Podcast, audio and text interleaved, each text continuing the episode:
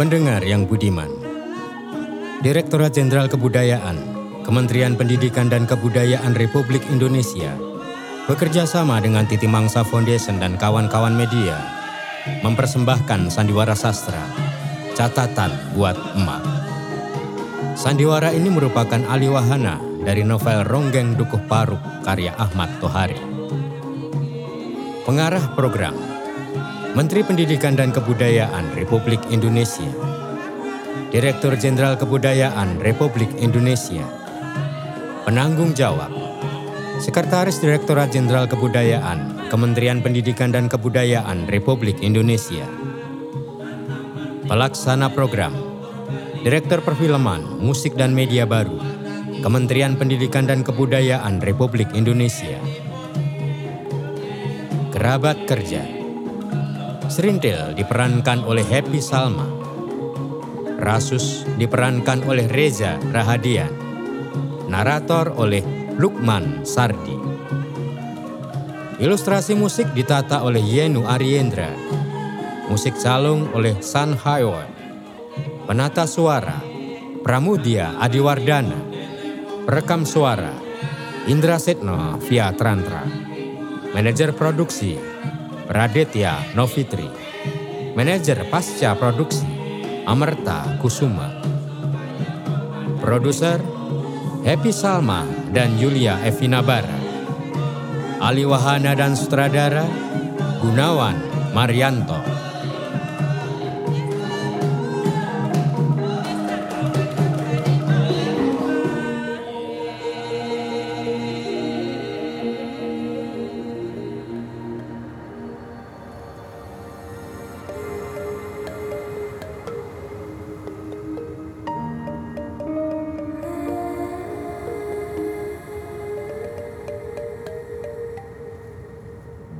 Sepasang burung bangau melayang meniti langit. Berputar-putar tinggi di langit. Tanpa sekalipun mengepakkan sayap. Mereka mengapung berjam-jam lamanya. Suaranya melengking seperti keluhan panjang. Air. Kedua unggas itu telah melayang beratus-ratus kilometer mencari genangan air. Telah lama mereka merindukan hamparan lumpur, tempat mereka mencari mangsa. Namun kemarau belum usai. Ribuan hektar sawah yang mengelilingi Duku Paru telah tujuh bulan kerontang. Sepasang burung bangau itu tak akan menemukan genangan air, meski hanya selebar telapak kaki. Sawah berubah menjadi padang kering berwarna kelabu segala jenis rumput mati. Di bagian langit lain, seekor burung pipit sedang berusaha mempertahankan nyawanya. Dia terbang bagai batu lepas dari ketapel sambil menjerit sejadi-jadinya. Di belakang, seekor alap-alap mengejar dengan kecepatan berlebih. Udara yang dibelah kedua binatang ini membuat suara desau yang menyakitkan. Jerit pipit kecil itu terdengar ketika paruh alap-alap menggigit kepalanya. Bulu-bulu halus berterbangan. Pembunuhan terjadi di udara yang lengang. Di atas dukuh paruh.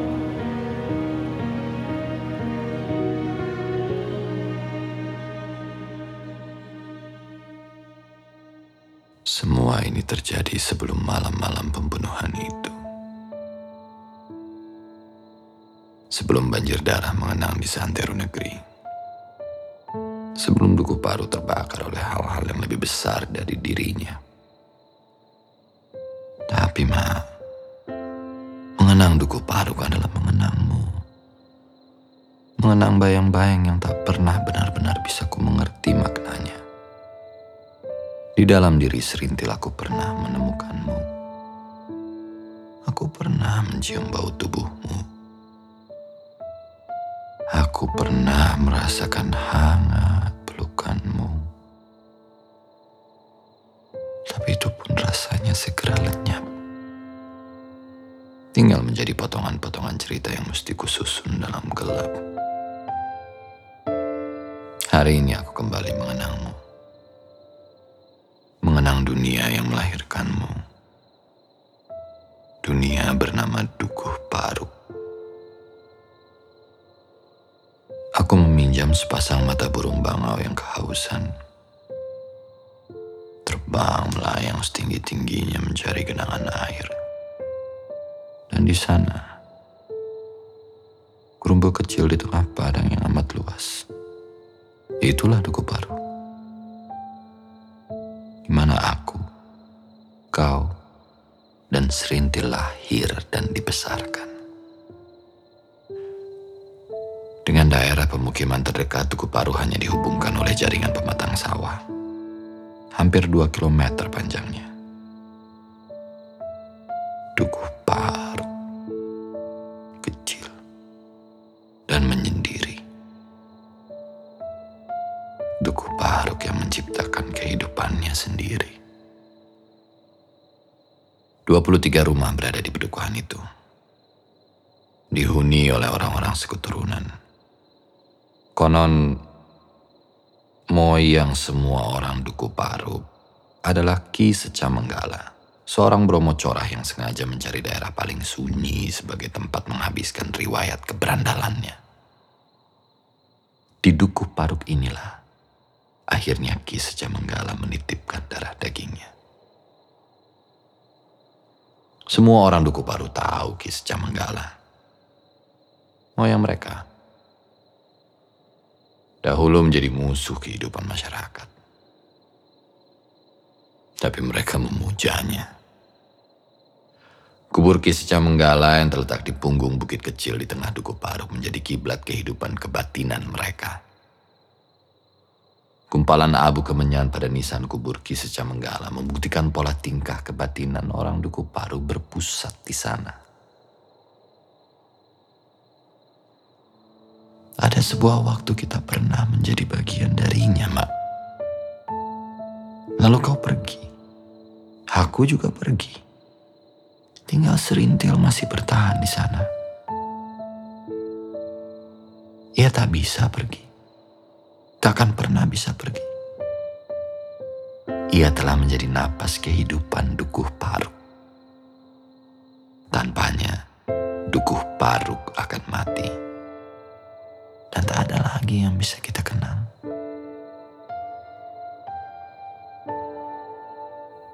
Ingatan Rasus terbang jauh menuju desa kelahirannya. Sementara pensil arang di tangannya terus bergerak menari-nari seperti tarian ronggeng dari kampung halamannya. Mencatat seluruh detail yang teringat. Begitulah caranya menghidupkan duku paruk di dalam dirinya. Duku paruk yang sangat dicintainya. Duku paruk yang sangat dibencinya. Kawan-kawannya sudah lama jatuh dalam tidur. Hari-hari yang berat tengah mereka jalani Gerombolan rampok beraksi di mana-mana. Juga di Duku Paru. Hanya Kopral Pujo yang masih terjaga. Matanya masih menerawang. Entah apa yang tengah diingatnya. Sementara itu, di Duku Paru, Serintil juga tak tidur. Sudah dua malam ia gelisah Bayang-bayang Rasus terus menghantuinya, menggerus perasaannya. Dua kali ia mengalami hal yang sama. Keduanya berkait dengan Rasus. Kepergian Rasus yang pertama bertahun yang lalu, dan kepergian Rasus yang kedua beberapa malam yang lalu. Jadi begitu. Kukira semua lelaki sama terbuat dari jenis yang sama, terbuat dari kegilaan yang sama. Mereka hanya menginginkan tubuhku satu dua malam saja, tak peduli berapapun harganya. Doer, Sulam, Lurah Pecikalan, hingga asisten Wedana. Mereka adalah nama-nama di antara ratusan nama yang runduk di bawah kibasan sampurku. Ternyata aku keliru, Sus. Ada lelaki jenis lain, lelaki dengan keakuan yang tegar dan bisa menghindar dari jerat selendangku. Dan yang lebih menyedihkan, lelaki itu adalah kamu.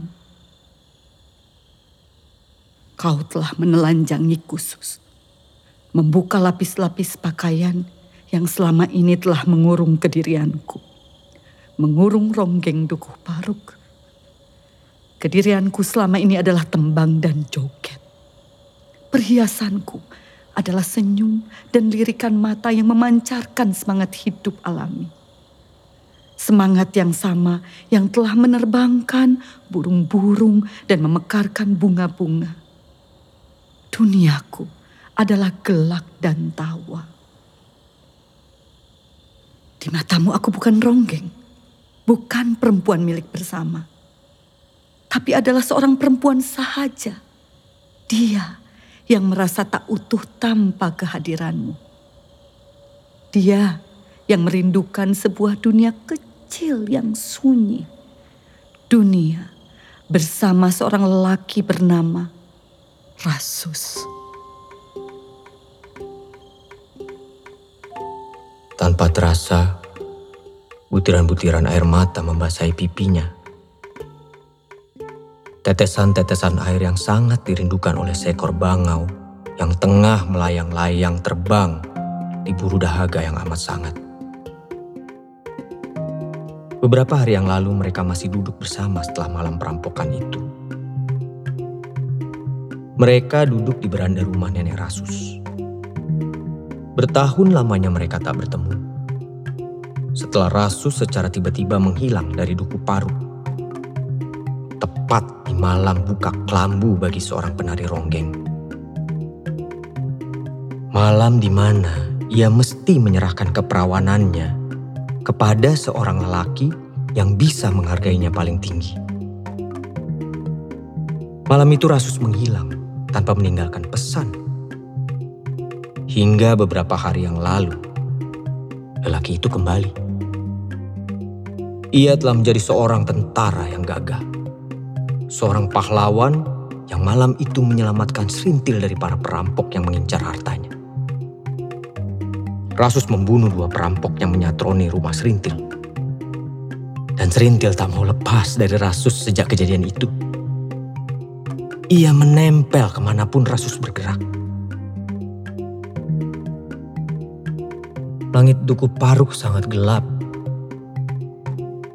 Bulan dan bintang tak menampakkan dirinya. Suara serangga juga tak terdengar. Semuanya pergi, menyisih dari dunia rasus dan serintil.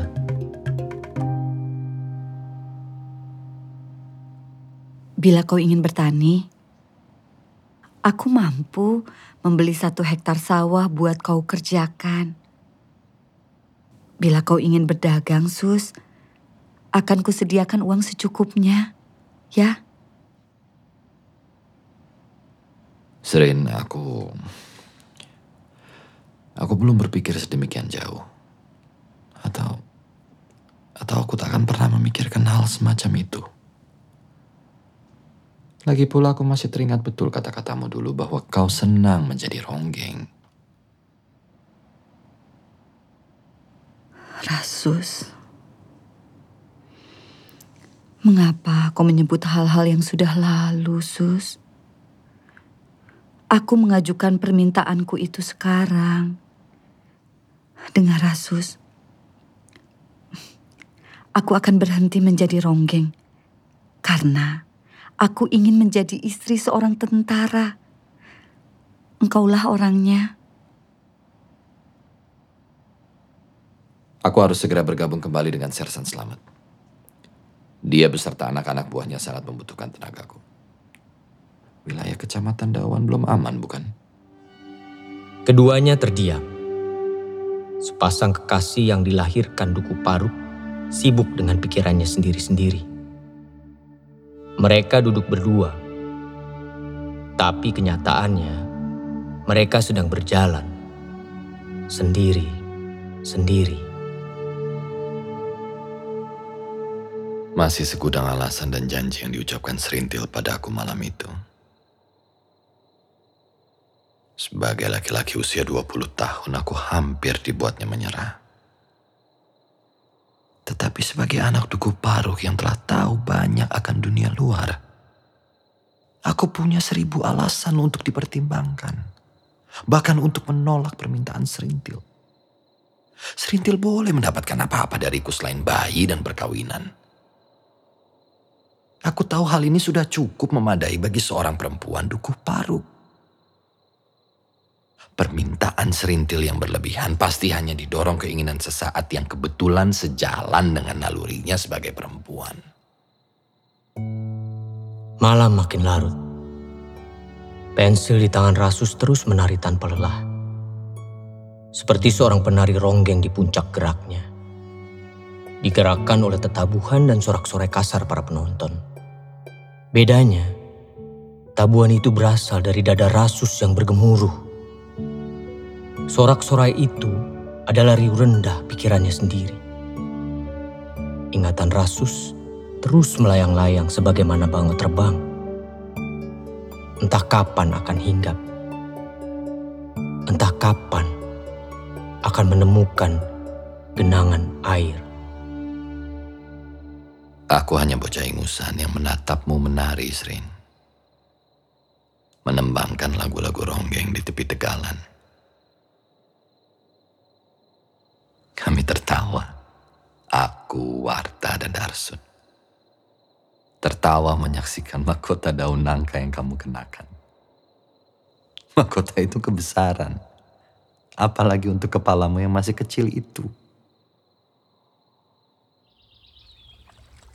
Terlalu besar. Aku bersedia membuatkan badongan untukmu. Tak usah. Kalau mau, uh, ambilkan aku daun bacang. Nanti badongan ini lebih baik. Rasus kecil tersenyum. Baginya, memenuhi permintaan serintil selalu menyenangkan. Maka dia berbalik, menoleh kiri kanan, mencari sebatang pohon bacang. Setelah didapat, Rasus memanjat. Cepat seperti seekor monyet. Dipetiknya beberapa lembar daun bacang yang lebar pikir Rasus, dengan daun itu mahkota di kepala serintil akan bertambah manis. Dengan bantuan ketiga anak laki-laki itu, serintil dapat menyelesaikan mahkota daunnya. Ukurannya tepat. Bagus sekali. Sungguh? Aku tidak bohong. Bukan begitu, Warta, Darsun? Seperti seorang ronggeng. tidak. Kecuali engkau mau menari seperti ronggeng. Serintil diam. Dipandangnya ketiga anak laki-laki di hadapannya. Dalam hati Serintil merasa penasaran. Hmm, apakah kalian menyangka aku tak bisa menari seperti seorang ronggeng? Hmm, baik, aku akan menari. Kalian harus mengiringi tarianku. Bagaimana? Wah, jadi kalau begitu, Aku akan menirukan bunyi gendang. Warta menirukan calung, dan Darsun menirukan gong tiup. Ayo. Di pelataran yang membatu di bawah pohon nangka, ketika angin tenggara bertiup dingin menyapu harum bunga kopi yang selalu mekar di musim kemarau. Ketika sinar matahari mulai meredup di langit barat, serintil menari dan menembang. Gendang, gong, dan calung mulut mengiringinya. Rasus bersila, menepak-nepak lutut menirukan gaya seorang pengendang. Warta mengayunkan tangan ke kiri ke kanan seakan ada perangkat calung di hadapannya. Darsun memusungkan kedua pipinya. Suaranya berat menirukan bunyi gong. Siapa yang akan percaya? Tak seorang pun pernah mengajari serintil menari dan bertembang. Siapa yang akan percaya?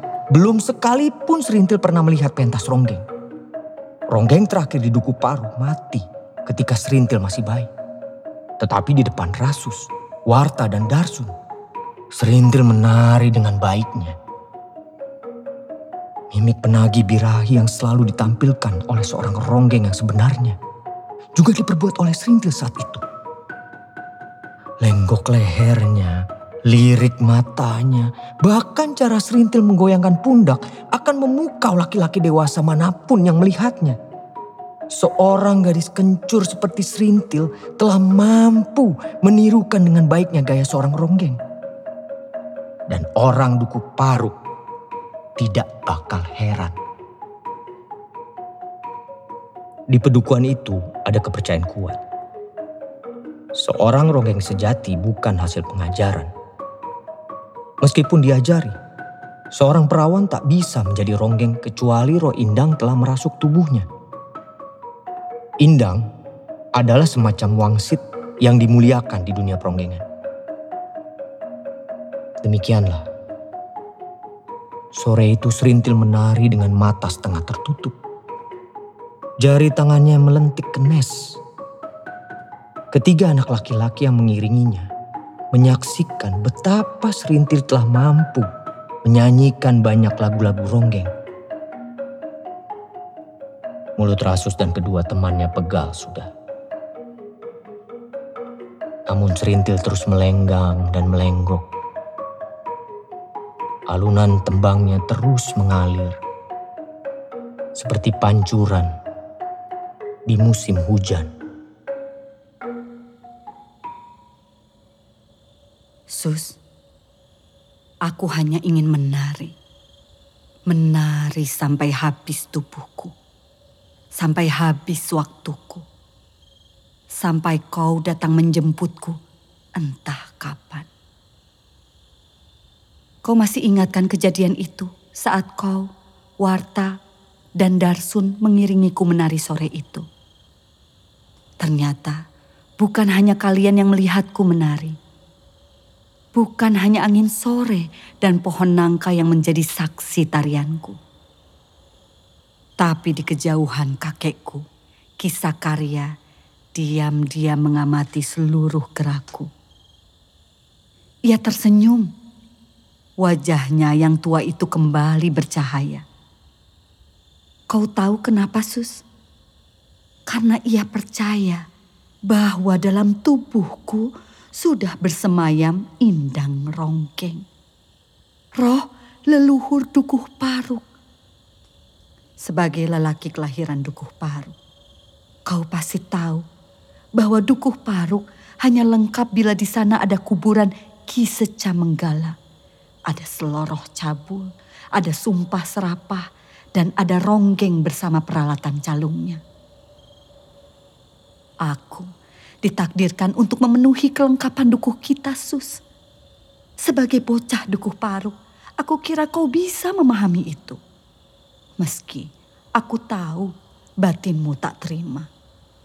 Kau tak mau serintilmu dimiliki oleh siapa pun. Karena itu kan kamu pergi malam itu. Sehabis malam buka kelambu. Malam di mana aku menyerahkan keperawananku untuk menyempurnakan seluruh ritualku menjadi seorang ronggeng. Aku tahu, Sus. Setiap malam kau mengintai rumahku, memeriksa setiap lelaki yang datang hendak membeli malamku. Karena itu aku pura-pura ke kebun belakang untuk menemuimu dan menyerahkan diriku untukmu sepenuhnya. Kaulah yang berhak mendapatkannya, bukan doer, bukan pula sulam meski mereka datang membawa seekor kerbau atau uang emas. Tapi tetap saja kau pergi. Tak apa.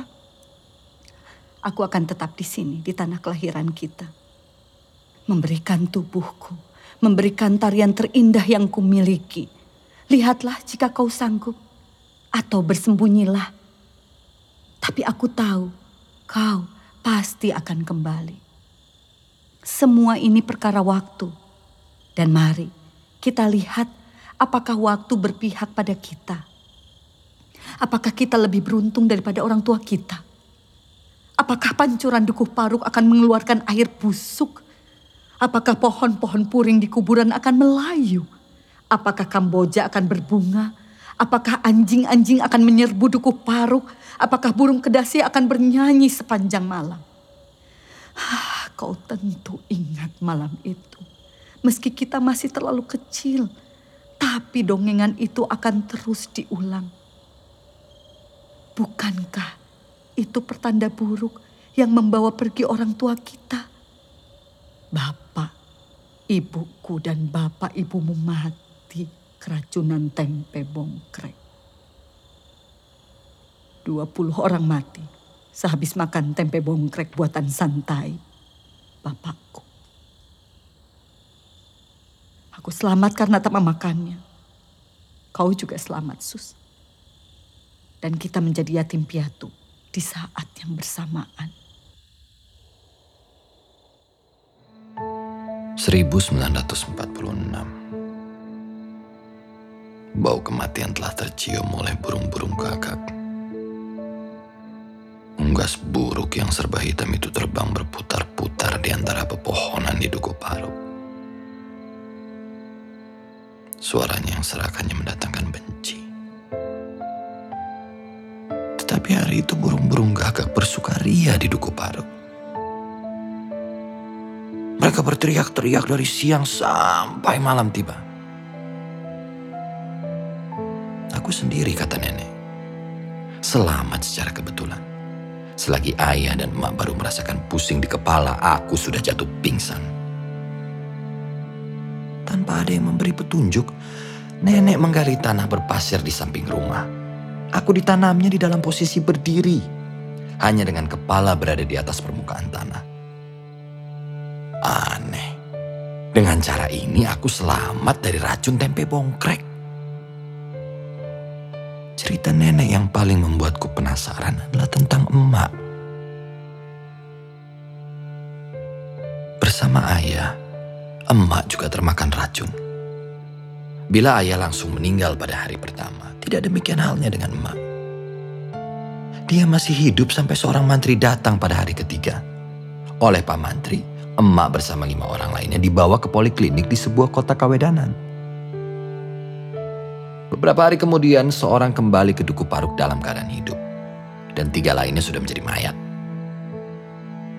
Emak tidak ada di antara mereka. Nenek selalu menghentikan ceritanya di sini. Aku merasa pasti nenek mengetahui betul apa yang terjadi pada emak selanjutnya. Namun seperti semua orang duku paru, nenek selalu berusaha menutupi kenyataan itu.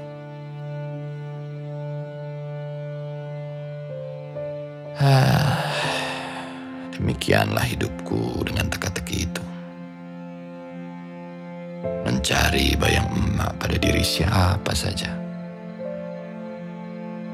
Dan akhirnya aku menemukannya. Aku menemukan emak pada diri serintil. Rasus menghela napas panjang. Bayang-bayang maknya kembali memudar. Ia telah memutuskan untuk pergi meninggalkan Kuparu meninggalkan serintil dan bayang-bayang emak yang melekat padanya.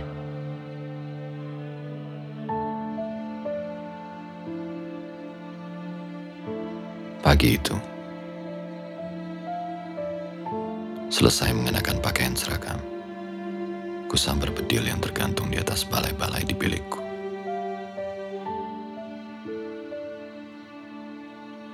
Serintil masih lelap di sana. Tetapi aku hanya melihatnya sejenak. Langit di timur mulai benderang ketika aku melangkah keluar. Belum seorang pun di Duku Paru yang sudah kelihatan. Langkahku tegap dan pasti. Aku, Rasus, sudah menemukan diriku sendiri. Duku Paruk dengan segala sebutan dan penghuninya akan kutinggalkan. Tanah airku yang kecil itu tidak lagi kubenci. Meskipun dulu aku telah bersumpah tidak akan memaafkannya karena dia pernah merenggut serintil dari tanganku. Bahkan lebih dari itu, aku akan memberi kesempatan kepada pedukuhanku yang kecil itu kembali kepada keasliannya. Dengan menolak perkawinan yang ditawarkan serintil. Aku memberi sesuatu yang paling berharga bagi Dukuh Paru. ronggeng. Sampai di tengah pesawahan, aku menoleh ke belakang. Aku tersenyum sendiri. Lalu kemudian aku bergegas melanjutkan perjalanan itu. Memanggul bedil, rasanya aku gagah. Tetapi sebenarnya perasaan itu muncul bukan karena ada sebuah bedil di pundak. Melainkan karena aku telah begitu yakin mampu hidup tanpa kehadiran bayangan emak. Di belakangku dukuh paruk diam membisu. Namun segalanya masih utuh di sana. Keramat Ki Menggala, kemelaratan, sumpah serapah, irama calung, dan seorang ronggeng. Tapi Rasus tak mengira kepergian yang kedua telah meninggalkan rongga di dada serintil. Ronggeng itu ambruk tanpa daya. Ia tak sanggup lagi menari. Dan duku paruk pun kembali mati.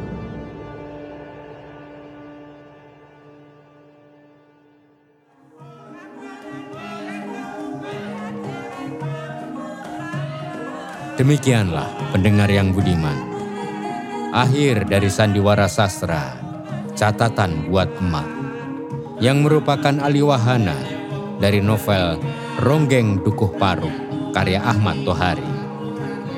Sampai bertemu di lain kesempatan.